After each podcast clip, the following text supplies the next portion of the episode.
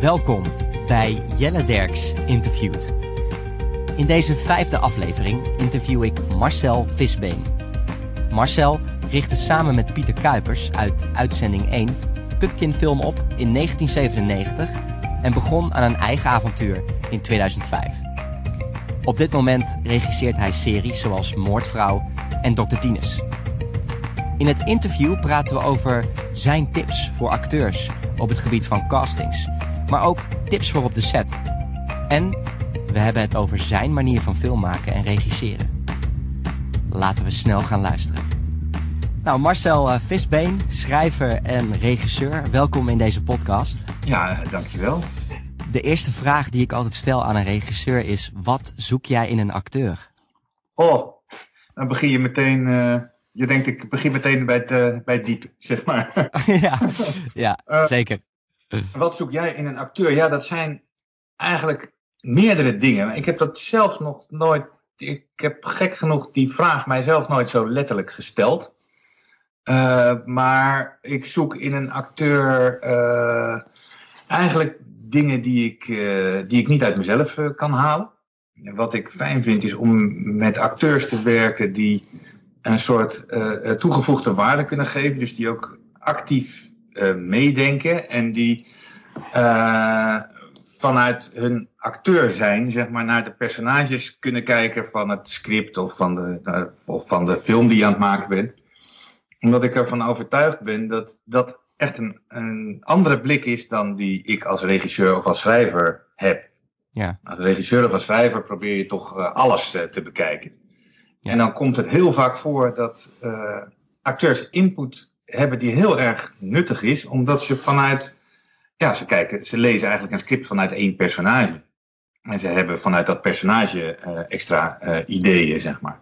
Ja. Dus ik vind het fijn als een acteur ook die vaardigheid heeft om dat, uh, om dat te kunnen, om dat te lezen en om creatief met een rol om te gaan.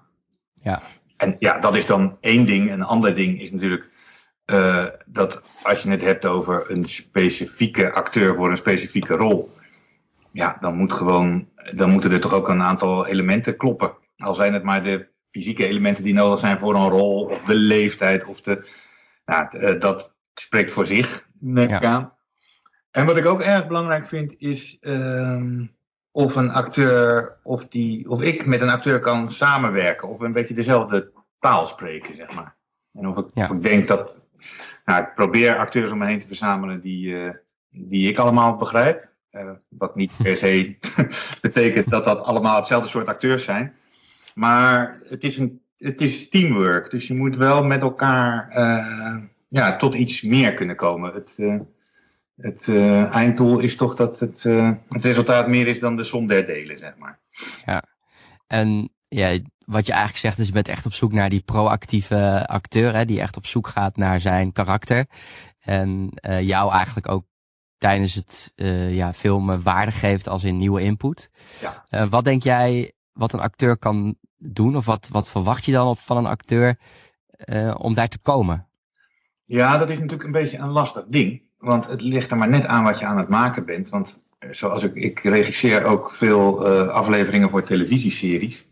Ja. En daar is het, uh, uh, hoe heet dat? De, de tijdsdruk is zo hoog dat je niet op zit te wachten dat op een set een acteur even gaat zeggen van nou, wat dacht je ervan als ik het eens even helemaal anders deed?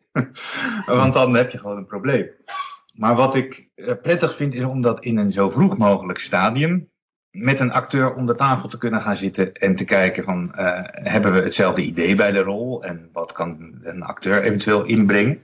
Dus eigenlijk valt het mij heel vaak op dat acteurs heel weinig vragen stellen. En okay. Ik weet niet waar dat vandaan komt, maar misschien heeft het ook te maken met dat ze dan denken dat ze je lastigvallen of iets dergelijks.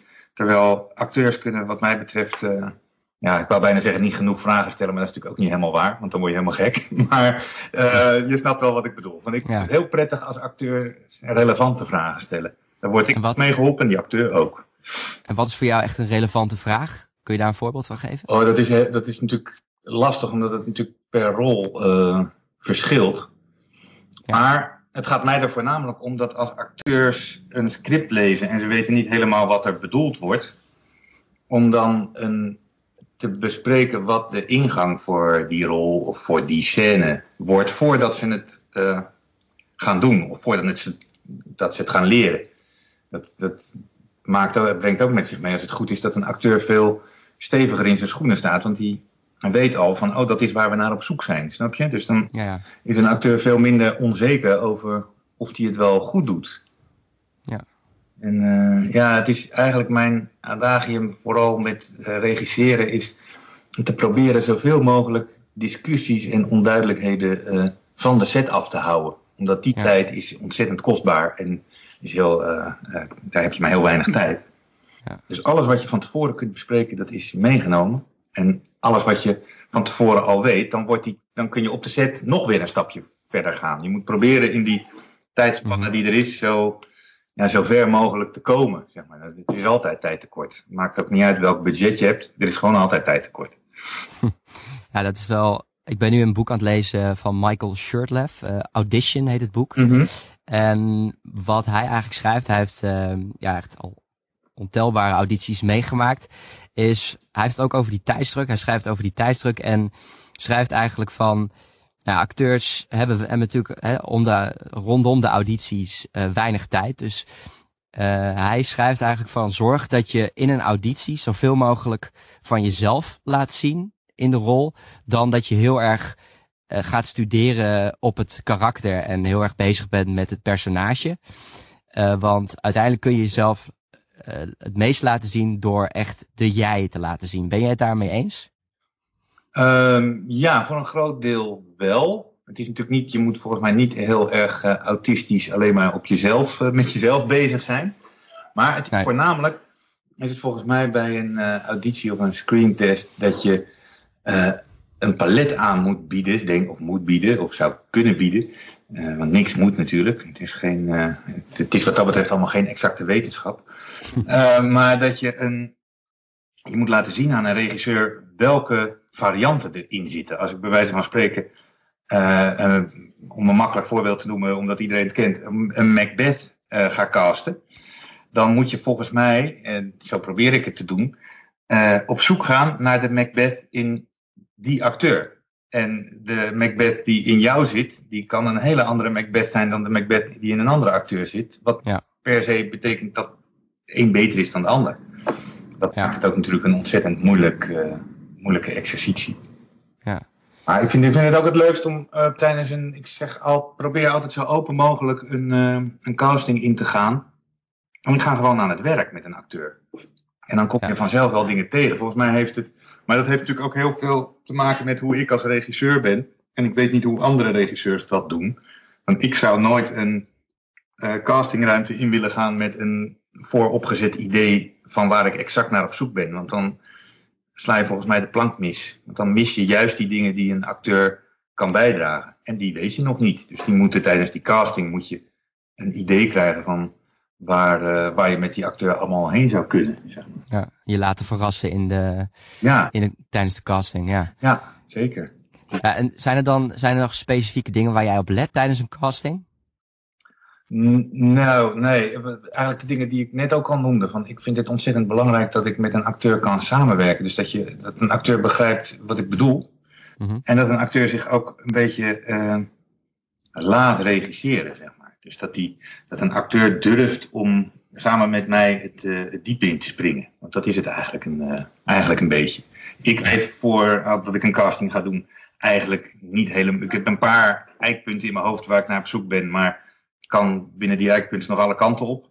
En dat zou een acteur ook moeten hebben. En het werkt volgens mij niet als acteur om aan de hand van de informatie die je van tevoren hebt gekregen, om dan te denken van, oh, dit is zo'n rol en die ga ik zo spelen. Want dan zit je jezelf al vast. En de kans is heel groot dat jij een, een, ander, uh, een andere interpretatie van de, van de rol hebt dan de regisseur. Dus dan zit je er al naast. Ja. Kun je een, een afknapper en een hoogtepunt noemen tijdens een casting die je hebt meegemaakt? Van, uh, nou, dat is echt iets waar ik, uh, ja, waar waar bij wijze van spreken op afknapt. En dat is echt voor mij waar ik van denk van, nou, dat is echt een hoogtepunt. Dat, dat, dat wil ik meer zien. Oh, ja, nee, dat is heel moeilijk. Wat een, afknapper is eigenlijk. Maar dat, bijna kan alles ook een. Ik wou zeggen, wat een afknapper is, is als een acteur heel erg in discussie gaat omdat hij vindt dat hij het verkeerde moet doen. Terwijl aan de andere kant kan dat ook wel weer wat opleveren, natuurlijk. Mhm. Maar. Ehm, nou, wat een afknapper is, is als ik aan een acteur heel erg merk dat hij uh, uh, mij, bij mij in het gevlei probeert te komen en alleen maar met me meepraat. Dat is misschien wel de grootste uh, afknapper. Ja. En dat je uiteindelijk merkt dat diegene niet luistert, zeg maar. En ja. ja. de grootste meevallers kunnen zijn in dat iemand toch een invulling van een scène heeft of van een personage. Waarvan je denkt van ja, ik had het zelf nog niet verzonnen, maar dit is, uh, dit is briljant of apart. Of uh, jeetje, wat een interessante uh, invalshoek. Ja, het verrast worden. Ja. ja. Ja, Arne Tonen noemde ja, een afknapper, zeg maar, dat een acteur vraagt. Of nou, hij zei het niet specifiek als een afknapper, maar hij noemde van ja, dat een acteur een vraag stelt van ja, is dit een beetje zoals Arne bedoelde dat ik het moest spelen? Ja. En uh, dan noemt hij eigenlijk van ja, dat betekent dus dat op dat moment de acteur niet met de scène bezig is en niet met het, uh, ja, met op dat moment wat er op dat moment echt gebeurt.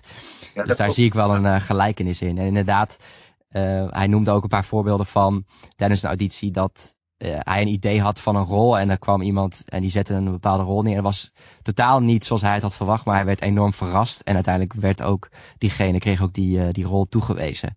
Ja, en dat bewijst volgens mij dat je niet voor de regisseur moet gaan denken. Dat is ook een beetje wat ik net probeerde te zeggen. Van, -hmm. uh, je moet, uh, als een acteur inderdaad alleen maar bezig is met te denken van, nou, zo zal Marcel het wel willen en dan ga ik het zomaar doen ja, dan is het nooit met een volle overtuiging. Want het is altijd met een vraagteken van, is het dit een beetje of is het dat een beetje? Terwijl, nee, laat het gewoon zien. En als het niet, niet goed is of een verkeerde richting op, dan stuur je dat wel bij in de casting, zeg maar. Dat hoge stemmetje ook, ja. ja. Is, is dit het een beetje?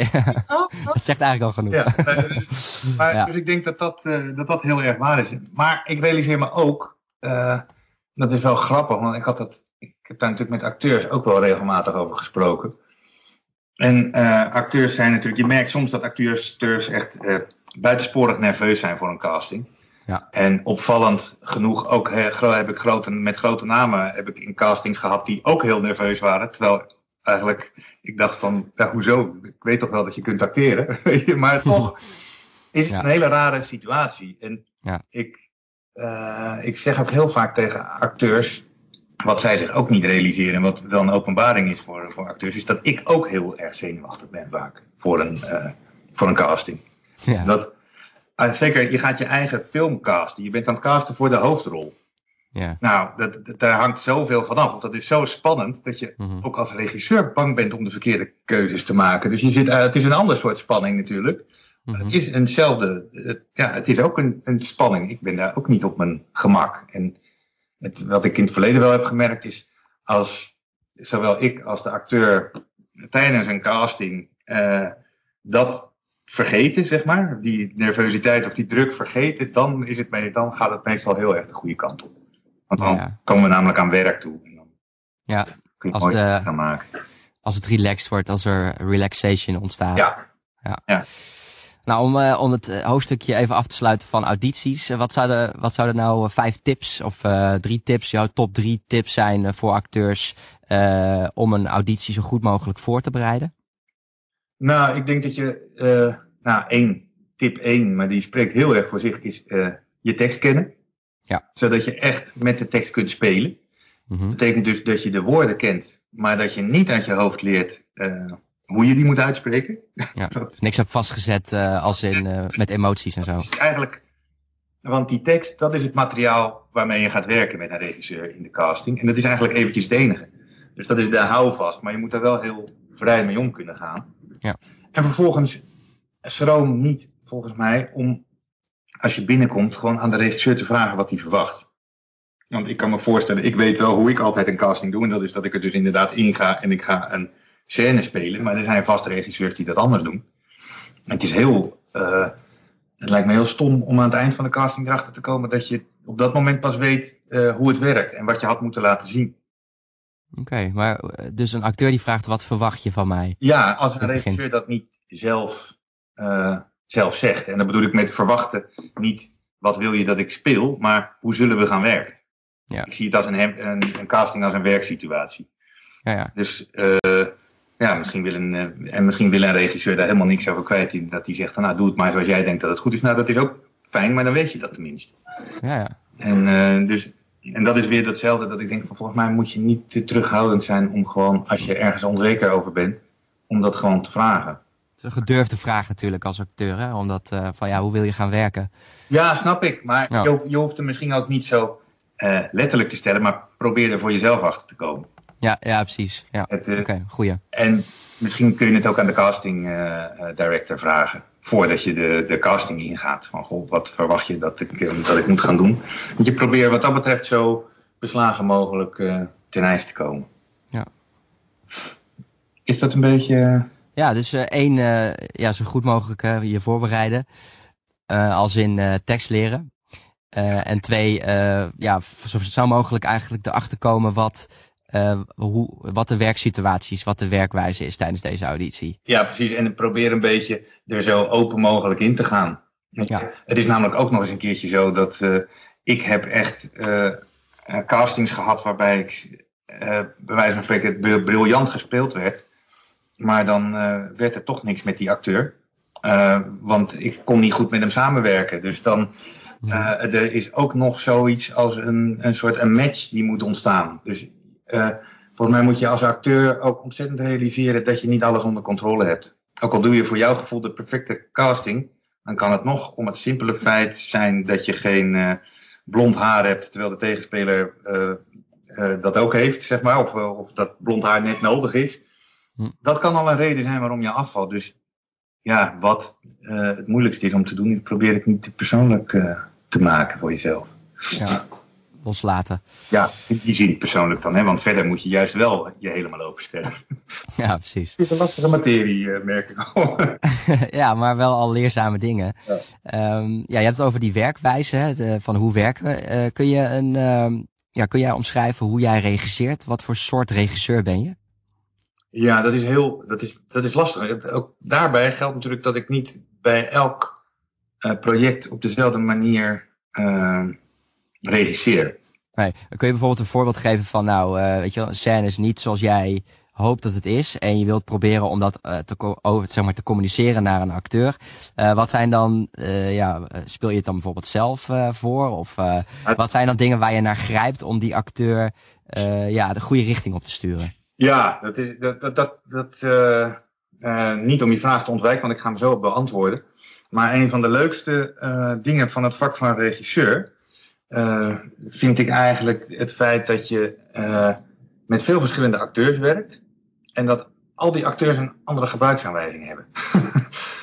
dus dat er is ja. bijna, dus daardoor is er bijna ook niet één manier waarop ik altijd regisseer. Want ik weet bij sommigen, ja, om het lullig te zeggen, bij de ene werkt het goed om het toch voor te zeggen. Terwijl ik wil dat gewoon niet. Ik wil eigenlijk niks voordoen. En ik wil, want als ik namelijk iets voordoe, ik betrap ja. mezelf er ook altijd op dat als ik dat ga doen, dat ik er meteen bij zeg, ja, en dan goed gespeeld. Omdat ik, uh, omdat ik dan denk, dat is net hetzelfde als wat ik net vertelde, van ik ga niet met een vast idee erin, van als ik het voor moet gaan doen, dan sluit ik eigenlijk al uit dat ik verrast word. Dat is, ja. dat werkt dan niet. Ja. Alleen, uh, wat ik wel vaak probeer te doen, is om de acteurs of een opdracht mee te geven uh, uh, vanuit hun rol. Dus om te bedenken van, en dan probeer ik het altijd kloppend te krijgen. Van, nou, bedenk eens dat je hier, hiervoor dat en dat hebt, is, uh, heb je meegemaakt. En dat moet je in deze, laat dat eens wat meer zien in deze scène. Of juist wat minder. Ja, dat is trouwens ook een van de dingen die Michael Shirtleff noemt. Van zorg dat je weet wat, de, het moment, wat het moment daarvoor precies is gebeurd. Ja, en dat is, dat is ook meteen de uitdaging als je, zoals nu ben ik zes afleveringen van een serie door elkaar aan het draaien. Waardoor ik merk dat ik heel vaak met de acteurs moeten we even bedenken, oké, okay, wat waar komen we ook alweer vandaan? Wat is er hiervoor? Wat, wat, wat zit er hiervoor in? Ja. En, en je moet ook soms uh, juist tegen een acteur zeggen dat hij moet vertrouwen op het feit dat het, als het script goed is, dan hoef je eigenlijk alleen maar de scène te spelen. Je, soms gaat het wel eens mis dat acteurs proberen hun hele rol in één scène te spelen. Nou, je kan je voorstellen wat er gebeurt als een acteur zijn hele rol in elke scène probeert te spelen. Dan ja, dan blijft er eigenlijk niet zo gek veel meer over. Dan speel je overal alles. En dan wordt, Ja. het, een soort, dan, dan eh, wordt het een soort brei. Ja, dus geen palet meer. Nee, precies. En een, pers- een personage, net als, een, een, eh, als elk mens, een karakter, bestaat uit de momenten dat hij boos is en de momenten dat hij lief en aardig is. En men is het nooit tegelijk. Maar de manier waarop je boos bent en de manier waarop je aardig bent, als je dat samen, dat maakt je karakter, zeg maar. Oké. En eh, een ander ding wat ik wel heel vaak doe is eh, om te proberen om een acteur, eh, ofwel dat, dat meestal werkt het het beste als, een, als er toch iets gebeurt natuurlijk met een personage. En dat is eventjes de hoofdpersonages, want je hebt natuurlijk allemaal bijfiguren die gewoon alleen maar dingen moeten doen ja, om eh, de hoofdrol verder te krijgen, zeg maar, in het verhaal. Ja, met alle respect natuurlijk. Nou, precies. Ja, nou, die zijn net zo belangrijk, want anders Ja. zonder bijrol heb je geen hoofdrol. Nee. Maar, en, maar die kun je meestal ook wel duidelijk, die kun je ook wel zeggen van ja, jouw doel is gewoon hier ontzettend de, de, de hoofdrol eh, boos maken, bij wijze van spreken. Ja. Maar bij die andere rollen is het, helpt het ook wel vaak om inzicht te geven in waar, hoe de scène werkt. Dus eh, waar je vandaan komt. En dan bedoel ik, eh, meestal gaat een personage, als die, die heeft natuurlijk ontwikkeling gedurende een film. eh, en dan gaat hij toch anders de scène in als dat hij eruit komt. En soms merk ik dat acteurs dat even over het hoofd hebben gezien. Want dat is eigenlijk waar de scène over gaat. Van, je bent nog eh, heel, heel opgewekt en je krijgt iets te horen. En daar moet je op een bepaalde manier op reageren. Ja. En juist door hoe je op dingen reageert, dat is waaraan de kijker weer je karakter kan ontlenen, zeg maar. Ja. Dus dat, Dus dan, wat dan eigenlijk fout gaat, is dat, dat de acteur niet doorheeft wat er, eh, op, ja, op wat voor moment, wat er daarvoor is gebeurd, wa- wat voor een moment hij de scène ingaat, eigenlijk, ja, van het verhaal. ja, precies. En Ja. waar de scène binnen het grote geheel toe dient. Wat, Ja, wil, wat- wat wil de, de scène nou eigenlijk laten zien aan de kijker? Ja, ja. En dat is ook helemaal niet erg, want het is, als het goed is, heeft een, eh, een acteur gewoon zijn personage in zijn hoofd. En weet de, de, de grenzen van dat personage en hoe die op verschillende momenten reageert. Dus ja, daar is ook een regisseur voor, denk ik dan. Ja. Dus het is niet per se eh, eh, het raar dat je dat op die manier moet, eh, moet bijsturen. Dat is juist die, die wisselwerking. Wat natuurlijk, eh, wat, ja, wat, dat is natuurlijk een verschil met theater, hè, waar je één lijn speelt, of één verhaal speelt. En op de set is het veel meer inderdaad die momentopnames en daar vol, eh, ja, op in ieder geval, Ja, dan moet zoals, zoals je erin moet duiken, induiken eigenlijk. Ja, je moet de hele tijd moet je, moet je inprikken in een, eh, in een verhaal. En eventjes bedenken waar, waar, ben, waar zijn we en hoe, hoe zit dat? En ik moet zeggen van, ik vind dat, ik vind ook heel vaak dat er eh, eh, erg weinig aandacht aan wordt besteed aan het, eh, het repeteren en het werken met acteurs in aanloop naar een film of een televisieserie. Ja. Dat vind ik, dat vind ik best wel vreemd. En ik heb een paar jaar geleden heb ik ook geprobeerd om daar een beetje een, een soort eigen manier van werken in, in te creëren. Maar dat kan eigenlijk alleen maar als je je eigen film maakt. Dat kan je niet toepassen als je series maakt. Maar eh, ik, heb, ik ga dan wat dieper op de materie in met de acteurs. En dan probeer ik bijvoorbeeld ook om een personage eh, rond te krijgen. Kun je volgens mij ook hebben over scènes die eh, niet letterlijk in het script staan, maar die wel ooit gebeurd moeten zijn. Mhm. Dus je kunt, als het verhaal gaat over een, over een stel dat eh, in de film eh, in scheiding ligt, dan kan het ontzettend helpen voor de acteurs om eh, tijdens een repetitie, maar dan moet je dus wel de tijd hebben, om eens te zeggen, goh, laten we eens een improvisatie doen en laten we de scène eens spelen waarop jullie elkaar ontmoeten. En hoe hebben jullie elkaar versierd? Hoe, wie nam het initiatief? En ik ben ervan overtuigd dat dat ontzettend helpt om een personage meer diepgang te krijgen. Want dat nemen de acteurs toch mee in scènes die, eh, eh, ja, die daar helemaal niet over gaan, maar wel over hun relatie gaan. Dus dat is wel, ja, dat is iets waar je zelf al mee worstelt, hoe, om daar naar te zoeken eh, per project. Eh, omdat natuurlijk bij het ene project minder tijd is. Ja, En met het andere project heb je natuurlijk meer tijd. Maar dat is wel iets wat je heel belangrijk vindt. Dus eh, inderdaad dat, eh, die voorbereiding en improvisaties van tevoren. Ja, en ik, maar dat is een beetje wat ik prettig vind, zeg maar. Dat is mijn werk, dat is misschien ook wel een beetje mijn stijl. En ik heb, ik heb ook in eigen beheer een film gemaakt met vier acteurs. En toen heb ik gewoon, ben ik zelfs begonnen met aan die acteurs te vragen: wat zou jij nou een keertje willen spelen? Want waar vragen ze je nooit voor? Omdat acteurs natuurlijk altijd in een bepaald bakje zitten bij, uh, bij de casting agents. Hm. Ehm, en toen heb ik met hen uh, een, een film ontwikkeld, eigenlijk op die manier. Dus niet een improvisatiefilm, maar wel door middel van improvisaties werken aan rollen. En dan uiteindelijk wel met een uh, uitgewerkt scenario de set opstappen. Maar, dat, maar ja, want dat, vond ik een hele fijne manier van werken. Dat, dat heb ik wel paar, een paar keer meer. En ik probeer daar nu wel weer uh, uh, vervolg aan te geven. Maar het is echt heel fijn, want we, we merkten dat we, we zaten met z'n allen in een huis. En, want ik dacht van ja, ik moet het zo simpel mogelijk maken. Dus ik had een verhaal bedacht wat zich helemaal in één locatie kon afspelen. Want ja, dan kun je helemaal op het acteren richten. En dan kun je dat low budget kun je dat wel maken. En ehm, toen kwam omdat iedereen zijn personage zo goed kende, konden we op een gegeven moment ook zeggen uh, van, hé, hey, we zijn wat sneller klaar vandaag. Welke acteurs uh, zijn er? En dan, oh ja, nou dan kunnen we dan niet een scène verzinnen die we vanavond nog kunnen draaien met die acteurs. En dan kunnen die acteurs gewoon in die scène springen. En dan zijn ze hun personage, omdat ze dat personage mede zelf hebben ontwikkeld. Ja. En, uh, en ik heb op die film iedereen ook heel veel lof gehad. Iedereen vond echt dat er veel beter, de dialogen veel beter waren en dat er veel beter in werd geacteerd dan gemiddeld. Dus ik ben er ook echt van overtuigd dat het, Gaaf, ja. heel veel oplevert. Het is ook wel een beetje een, een trend, hè? Je, ja, je hebt nu slow fashion, slow, uh, slow food, zeg maar. De, meer, de, meer de aandacht weer voor dingen krijgen. En uh, ja, dat het, het snelle produceren, dat het uiteindelijk ook verdwijnt. Ja, nou ja ik, ja. Hoop, ik hoop het een beetje. Kijk, het zal altijd een beetje van, van beide één worden. Maar ik vind het zo jammer dat. Uh, het is ook stom, vind ik, vanuit productioneel oogpunt. Want uh, aan het begin, voordat je aan het draaien bent, dan heb je eigenlijk nog tijd. De dagen dat een regisseur met uh, zijn acteurs in een repetitiehok zitten, die zijn relatief zoveel goedkoper dan een draaidag waar een hele crew staat te wachten. Dus volgens mij uh, is het ook vanuit dat oogpunt kan het heel veel opleveren. Maar ja, dat, dat, is niet echt, dat maakt niet school, zeg maar, die gedachte, helaas. Okay. Maar zie je daar wel een goede toekomst in? Of uh, denk je dat, ja, hoe zie jij, de, hoe zie jij zeg maar, het Nederlandse filmklimaat over, nou, laten we zeggen, over twintig jaar? Jeetje, dat vind ik moeilijk, want ik denk dat ik twintig jaar geleden niet had kunnen voorspellen hoe het er nu uitziet. Nee. Om, juist omdat ik, uh, nou ja, ik heb dus een paar jaar geleden heb ik een, een speelfilm in eigen beheer gemaakt.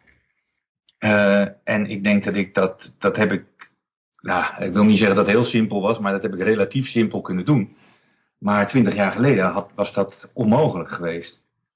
En ik denk, uh, misschien wordt het verschil wel uh, groter tussen mensen die, uh, in, in, die kleine dingen zelf maken en de grote budgetten. Dus ja, ik weet, het, ik weet het eigenlijk niet. Je ziet in Amerika dat het nu is het weer heel erg in om ontzettend grote big budget films te maken over de superhelden. En is dus het, alle, gaat het met name om visual effects en heel veel spektakel en dat soort dingen. Mm -hmm. En ja, ik hoop een beetje dat. Uh, ik denk dat de landen als Nederland, zoals ook wel in Denemarken natuurlijk is gebeurd, onze kracht ligt ergens anders. Dus als we dat inzien, dan kunnen dat, dat zou wat mij betreft een goede richting zijn voor specifiek de Nederlandse film. Om in te zien dat je toch een kleiner land bent.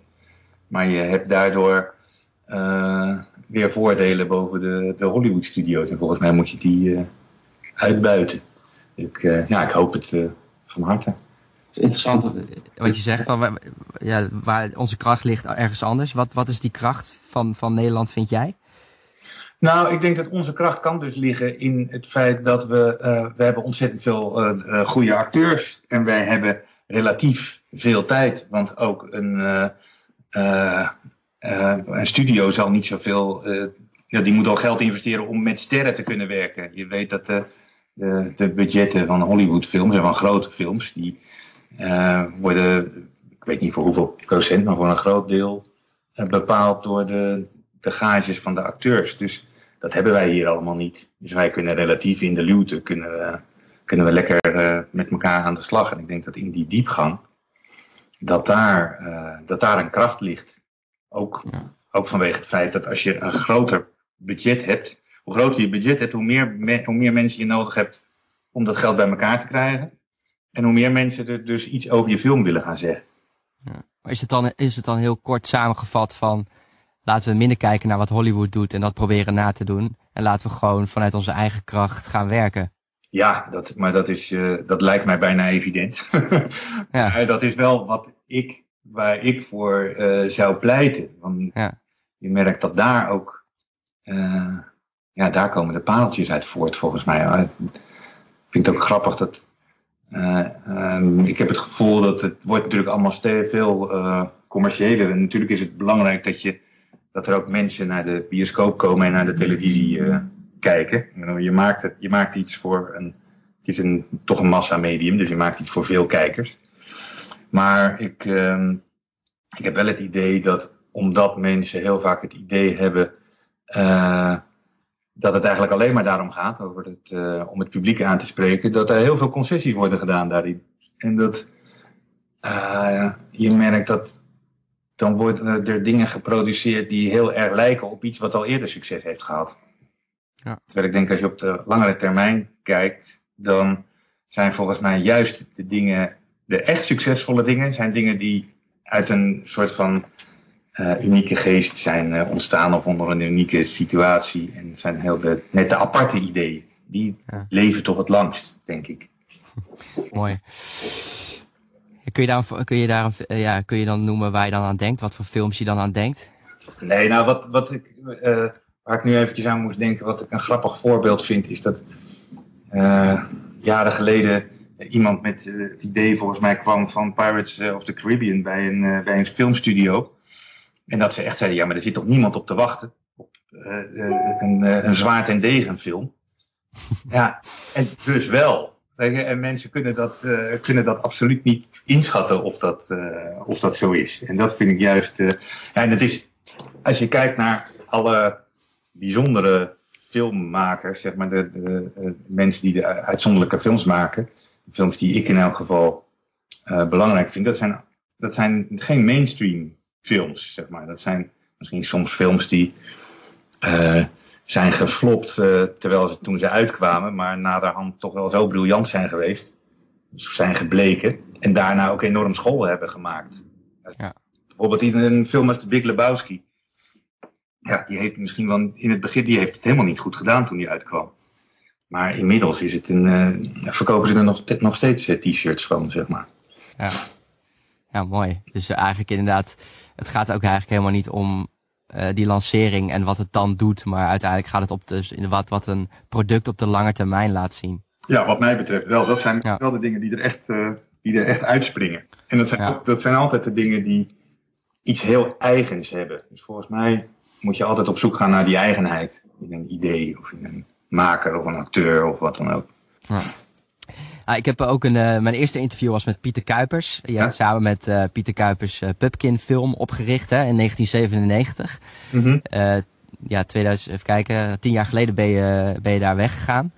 Um, ik heb het ook met Pieter ook nog gehad over zijn verhaal. Dat, dat wat hij het liefste wilde maken. En dat was voor hem van God los. Ja, echt het verhaal wat hij wilde vertellen. Mm -hmm. Wat zijn jouw, als je kijkt naar wat je nu hebt gemaakt, wat zijn, wat zijn jouw films of verhalen die je echt, die echt helemaal, als we het dan hebben over onze kracht, onze eigen kracht, wat helemaal uit jou kwam? Ja, dat is wel. Nou, dat is dan wel grappig, want ik heb daar natuurlijk ook wel eens over nagedacht. Op, je, je hebt altijd als je een. En je, je bouwt niet per se aan een carrière, maar je blijkt op een gegeven moment een carrière te hebben. En dan maak je bepaalde uh, keuzes in. En dan denk je van, ja, welke kant wil ik op? En er is in mijn leven blijkt heel vaak dat de kant die ik op wil, dan net als ik een besluit heb genomen, dan, um, uh, dan komt er iets op mijn pad waardoor ik denk van nee, ja, ik ga toch de andere kant op. Uh, maar je denkt heel vaak daar wel over na van wat voor projecten zou ik nou willen doen. En ik moest laatst toevallig denken dat de dingen die ik het meest, waar ik de meeste voldoening uh, van had, dat het eigenlijk juist de kleine projecten zijn die ik, uh, die ik zelf heb geïnitieerd. En die dus, dat zijn dan projecten die allemaal uh, niet zozeer heel erg commerciële successen zijn geweest. Maar eigenlijk zijn ze allemaal wel, zeg maar, hoe noem je dat? artistieke successen geweest. Hebben ze goede kritieken gehad en ja. dat soort dingen. En dat, ja, dan kom ik eigenlijk op mijn allereerste korte film, Elvis Lives, die ik nog met, met Pieter heb gemaakt.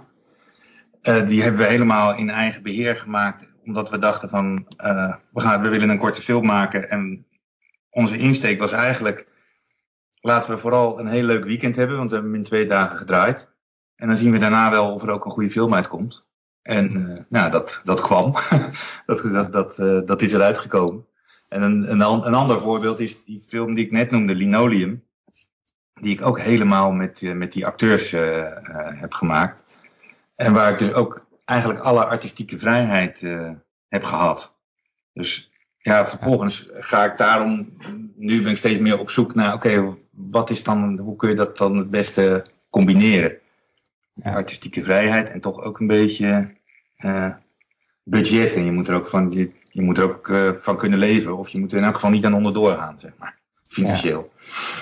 Ja. Ik denk ook, ik denk ook dat dat een grote worsteling is van veel acteurs. Dat je inderdaad uh, als, als je als acteur afstudeert, dan wil je natuurlijk geld verdienen ermee, maar je wilt ook gewoon ja, mooie dingen blijven maken. Ja. Uh, dus je hebt steeds inderdaad die, die, ja, die, zeg maar, aan de ene kant het geld verdienen, en aan de andere kant, ja, gewoon artistiek mooie dingen blijven maken. Wat, ja, wat zou jou, wat zou jij tegen zo'n acteur zeggen die daarmee worstelt? Oh, dat vind ik, dat is, ja, je, je hebt allemaal moeilijke vragen. ik betrap mezelf erop dat je gaat zeggen, oh, wat een moeilijke vraag. Nee, dat is, uh, ik kan alleen maar een beetje. Ik vind het moeilijk om het tegen anderen te zeggen, omdat daar altijd. Uh, ik kan alleen maar vertellen hoe het bij mij ja. uh, is gegaan, zeg maar. En ja. moeten mensen volgens mij zelf daaruit opmaken of dat voor hun ook zou, zou werken of niet. Mm -hmm. Maar bij mezelf ben ik eigenlijk nog niet eens zo gek lang geleden ben ik erachter gekomen dat het bij mij het beste is als ik of weet dat ik iets goed, goed betaald doe, zeg maar. En dan is het, uh, dan, dat is dan de televisieseries die ik regisseer. En dat doe ik voor een inkomen, zeg maar, om, om, om gewoon van te kunnen leven. Ja. Wat helemaal niet wil zeggen dat ik het vervelend werk vind. Integendeel, ik vind het heel leuk werk. En het is ook nog niet zo dat ik alles maar doe om geld te verdienen. Weet je, het is, ook daarin ben ik nog best wel kieskeurig. Ja. En aan de andere kant uh, probeer ik projecten te, te doen en te maken die, waarvan ik weet van dit doe ik voor, de, uh, ja, voor mijn artistieke voldoening. En daar wil ik dan proberen om dan niet te denken, ja, dan moet ik er tegelijkertijd ook nog geld aan verdienen. het, is, het is bij mij best wel in het verleden, ben ik er best wel eens tegen aangelopen dat ik dingen voor allebei tegelijk deed, zeg maar. Dus dat je een ja. film maakt en om je geld mee te verdienen en voor artistiek, uit artistieke overwegingen. En heel vaak uh, kom je daar dan te, teleurgesteld uit, want dan blijkt dat je op artistieke vlak toch net iets te veel concessies hebt moeten doen. En op het uh, financiële vlak, nou ja, dat je wel geld verdiend hebt, maar niet de voldoening hebt die je uh, wilde hebben. Dus mm -hmm. ja, ik vind dat best wel. Daar, daar ben ik nu op, op aangekomen. Maar dan zit ik natuurlijk nu wel in een soort van luxe positie dat ik er al ben. Weet je? Ik, uh, ja. ik uh, krijg al werk aangeboden en ik kan een beetje kiezen. En dat is natuurlijk een, realiseer ik me wel, een, een luxe positie. Ja. Dus ja, wat, ja, de balans vinden eigenlijk tussen wel die projecten doen, maar ook sowieso heel veel tijd vrij houden voor je eigen artistieke plannen en ja, dat wat je zelf wil maken. Ja, en dat, is, dat staat heel vaak staat dat wel in, uh, op gespannen voet met elkaar. Dat merk ik nu ook. Van meestal als je in een project zit, zo'n tv-serie die, uh, die je draait, dan, ja, en dan kan je, je kunt dan niet, je kunt niet twee dingen tegelijk doen. Dus als ik dan aan een script voor mijn eigen film werk, dan merk ik dat dat toch opschuift. Dus dan op een gegeven moment moet je zeggen, oké, okay, dan heb ik deze maanden vrij om voor mezelf te werken. En, ja. Uh, ja, ik, ik, en nogmaals, ja, ik worstel daar ook nog steeds mee. Ik, ik, hoop ook dat ik op een gegeven moment geld kan verdienen met de dingen waar ik ook mijn artistieke voldoening uit haal. Want dat is natuurlijk het, um, het toppunt, als je dat ja. kan uh, bereiken. Zoals je bereikt hebt. En ja, je hebt nu al heel veel gemaakt, hè? Veel, veel creatieve processen ook meegemaakt. wat zijn jouw grootste lessen die je tot nu toe hebt geleerd van al die, die, die creatieve processen, al die dingen die je tot nu toe in de wereld hebt gebracht? Ja. wat, en wat bedoel je dan qua lessen? Nou, dus met de Pieter Kuipers had ik het heel erg over, meer over het schrijven van een, uh, van een verhaal. Dus ja, eigenlijk, eigenlijk het hele proces van een, van een film maken van begin tot eind. Um, en dat, daar heb je, dat heb je natuurlijk al vaker meegemaakt nu um, als mens. Wat zijn jouw grootste lessen van 0 tot 10 in een, in een, in een creatief proces, in een filmmaakproces tot nu toe? Ja, uh, jeetje. Ja, het is, het is um, het is, het is, inderdaad nogal verschillend of je het dan hebt over uh, een film uh, schrijven of, of iets regisseren. Kijk, ik doe, ik doe allebei. Dus ik regisseer soms dingen die al bestaan. Afleveringen van series waar ik pas een heel laat stadium in het, in het proces kom. En dat heeft ook een heel andere dynamiek dan wanneer je een, uh, een film, een speelfilmproject bijvoorbeeld uh, zelf opzet of samen met een producent ontwikkelt. Mm -hmm. Omdat je, met name bij die series, en dat is toevallig wat ik de laatste tijd het meest heb gedaan eigenlijk, ehm, daar kom je in een omgeving waar je niet eens iedereen, je kan niet de mensen met wie je werkt zelf uitzoeken. Dus er zitten mensen op het project die al nou ja, die er al op zitten. Die net zoals jij gevraagd zijn door de producent om, daar, uh, om daaraan te werken. Ja. En ik merk dat dan een creatief proces toch op een hele andere manier werkt dan wanneer je vanaf nul met z'n allen bij elkaar gaat zitten en bedenkt van wat zullen we, wat zullen we nu eens maken.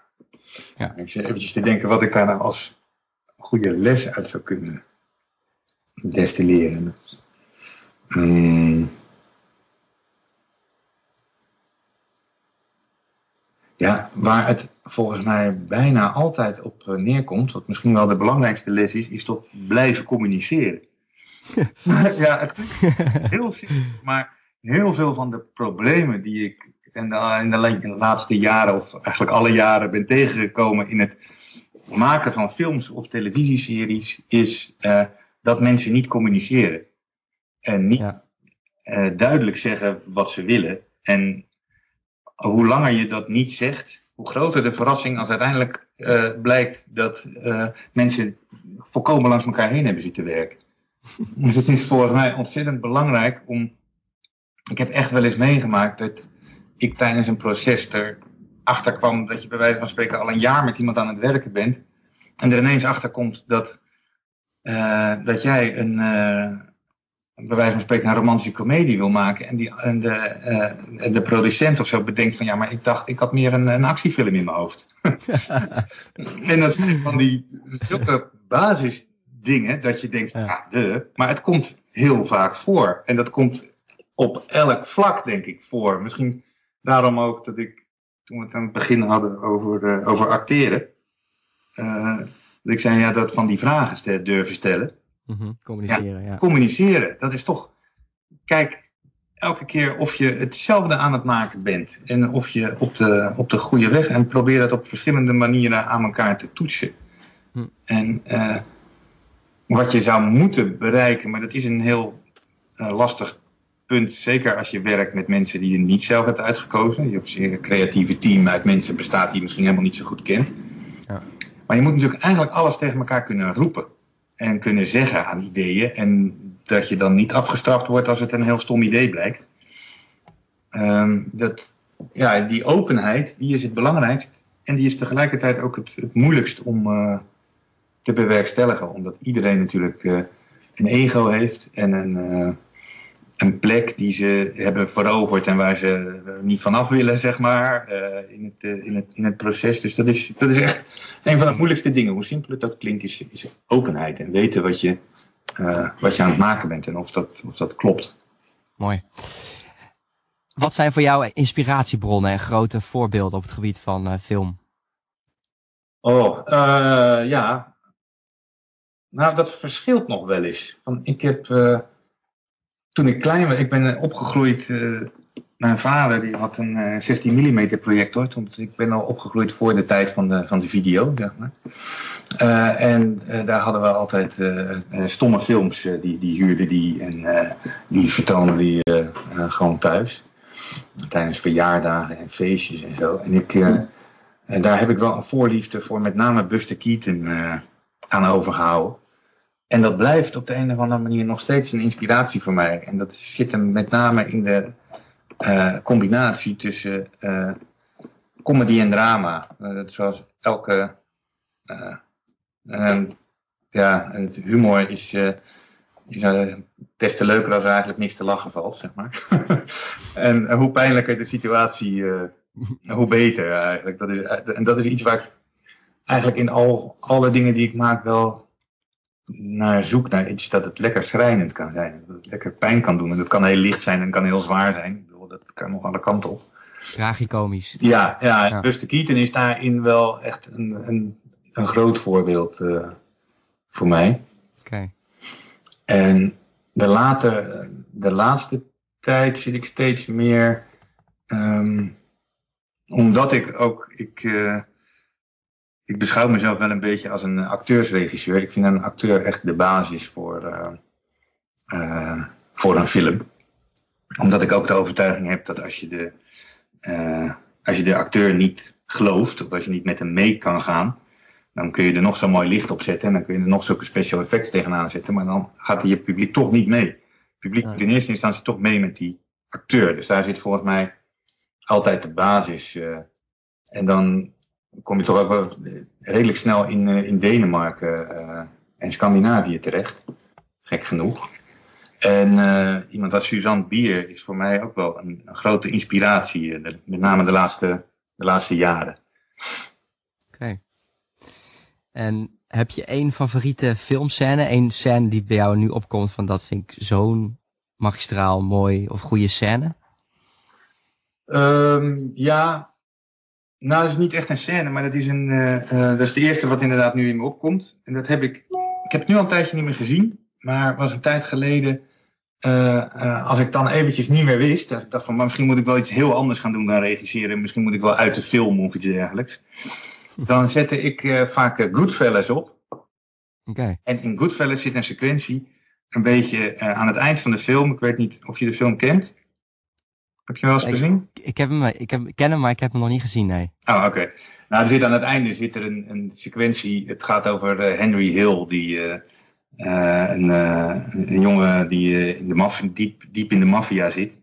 En dan voel je al aankomen aan het eind dat hij, dat hij gearresteerd zal, zal gaan worden.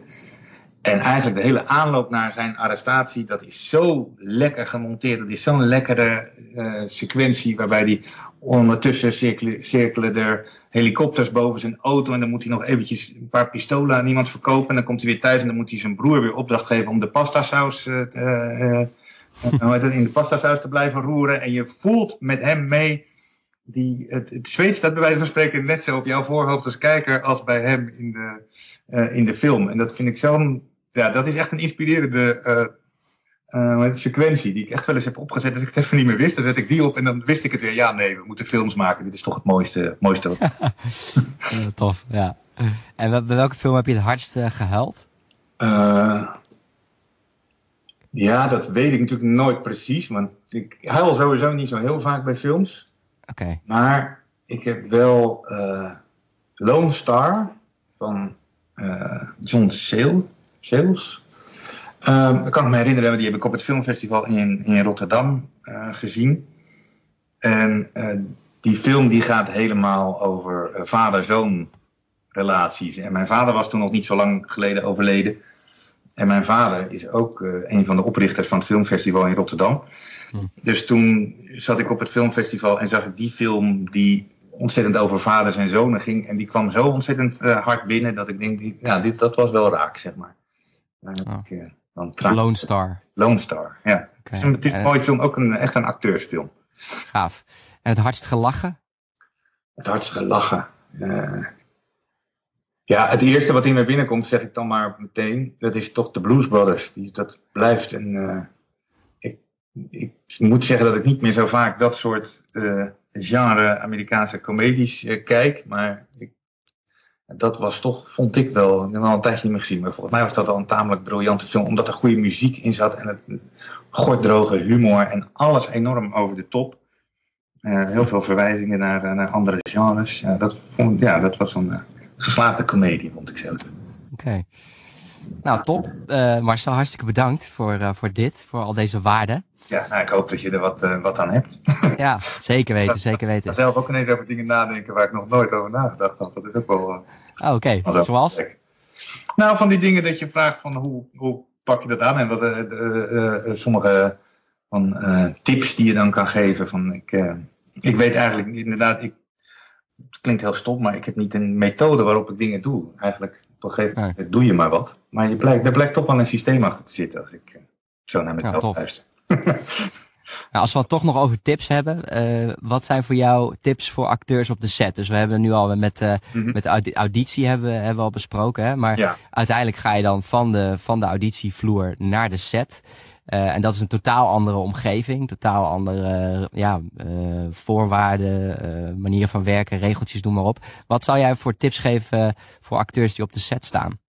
Ja, daar is echt eigenlijk wel het belangrijkste om heel goed voorbereid te zijn. Mm -hmm. en, en, met name ook voorbereid te zijn op het feit dat je heel weinig tijd hebt.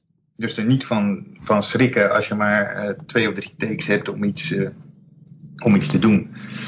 Dus daar kan je volgens mij het beste goed voorbereid zijn. En ja, het klinkt heel stom, maar uitgerust zijn zodat je je echt kan focussen. Het is zo'n rare energie op zo'n set dat je als acteur kan je soms twee uur je dood zitten te vervelen. Maar dan ineens moet je naar de set toe en dan moet het er ook in een half uurtje op staan.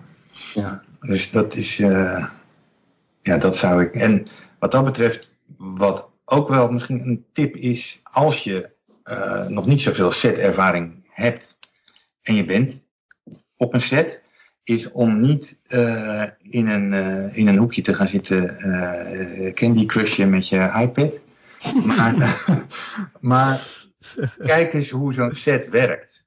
Geweldig, ja. als je gewoon je ogen de kost geeft, dan kan je zo ontzettend veel van leren. En daar heb je echt wat aan als je zelf aan de beurt bent, zeg maar. Dan weet je precies wat iedereen doet. En ja. dan, dat, volgens mij is dat ik zie, tot mijn verbazing zie ik soms acteurs die nog zelden op een set zijn geweest, die inderdaad gewoon een beetje in een hoekje gaan zitten. Terwijl ik denk, kijk, kijk om je heen. Dit is, uh, Hier kan je ontzettend veel van, uh, van leren. Ja, ik zat daar laatst eens ook over na te denken. En ik, uh, weet je, je hoort vaak op sets van ja, het is zo lang wachten, wachten, wachten, wachten. Maar ik dacht op een gegeven moment, laatst kreeg ik ineens een ingeving van ja, wachten. Wachten is eigenlijk gewoon de stempel die jij op je kostbare tijd drukt. Ja. Dus jij bepaalt dat jij nu in een wachtmodus gaat zitten, terwijl je misschien op dat moment heel veel kan leren of een boek kan lezen of noem het maar op. Dus dat vind ik nog wel inderdaad wel, gaaf, ja, wel gaaf dat je dat nog uh, zegt. Ja, nou, het is echt geef je ogen de kost. Hoe vaak, ja. hoe vaak heb je de kans om uh, gewoon te observeren hoe een uh, filmset werkt? Dat heb je echt niet zo gek vaak. Dus als je Precies, ja. bent, doen, zou ik zeggen. Oké, okay. nou ik heb nog één laatste vraag waar ik heel benieuwd naar ben. Ja. En uh, dat is, uh, je bent afgestudeerd hè, aan de Universiteit van Utrecht, film, televisiewetenschap als ik het goed heb. Ja, dat klopt. Wat zou jij nu zeggen tegen die Marcel die afstudeert? Oh, wat een grappige vraag. Ja, wat zou ik nu tegen hem zeggen? Ik zou toch zeggen dat ik, dat hij minder zou moeten doen uh, even denken, hoe kan ik dat het beste formuleren? Dat hij het meeste zijn eigen, meer zijn eigen gang kan gaan. Dat vertrouwen uh, hebben. Ja. En niet de dingen doen waarvan je denkt dat ze van je verwacht wordt. Dus als je snapt wat ik bedoel. Je denkt heel vaak als je van een school afkomt van... oh, dan wordt verwacht dat ik dit moet doen... en ik moet misschien die uh, carrière stap maken... en ik moet zorgen dat ik daarbij kom... en ik moet daar... Uh, nee, eigenlijk gewoon uh, vertrouwen op je onderbuikgevoel... en durven anders te zijn. Durf jezelf te zijn. Ja, dat klinkt heel corny, maar... Ja, uiteindelijk ga je inderdaad een beetje naar een cliché toe, maar... Ja, ik denk je snapt denk ik wel wat ik bedoel. Van de, durf, ja. durf van de uh, gebaande paden af te gaan en vind die modus, die, ja. die manier van werken en dingen die, die bij jou passen.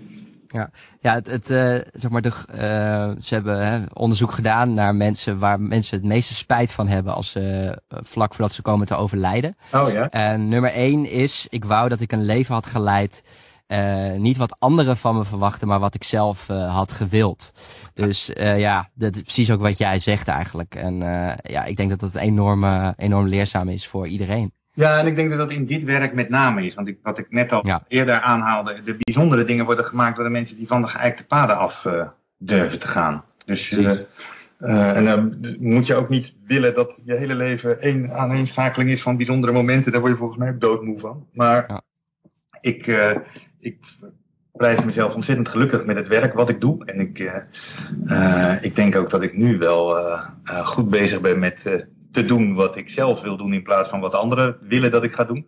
Mm-hmm. Maar uh, als je inderdaad vraagt van na mijn studie had ik dat, wel, dat inzicht wel uh, wat eerder willen kunnen hebben. Zeg maar. Super bedankt uh, Marcel voor uh, ja, ik vind het een mooi slot en bedankt voor bedankt voor al je ja, het is wel echt een beetje een rode draad inderdaad die je door het interview ziet gaan van ja, maak, maak vanuit je eigen kracht eigenlijk. Precies. Ja. Dankjewel. Oké. Okay. Graag gedaan en succes verder. Bedankt Marcel, tot ziens. Jo, doei. Hoi. Dit was het interview met Marcel Visbeen. Wil je alles nog eens nalezen wat we hebben genoemd in het interview? Ga dan naar jellederks.nl slash 05. Op deze pagina kun je je ook aanmelden voor mijn mailinglijst. Als je je abonneert op mijn mailinglijst, hou ik je wekelijks op de hoogte van alles wat ik leer van de interviews maar ook van de projecten die ik doe en de boeken die ik lees. Ga naar jellederks.nl slash mail om je snel aan te melden. En dan nu mijn grootste les. Eigenlijk valt het mij heel vaak op dat acteurs heel weinig vragen stellen. Probeer tijdens een auditie zo snel mogelijk te weten te komen hoe een regisseur wil werken. Door te communiceren en vragen te stellen die relevant zijn, kun je het uiterste halen uit die korte tijd die je al hebt. Ik hoop dat je wat aan dit interview hebt gehad. En tot de volgende Jelle Derks interviewt.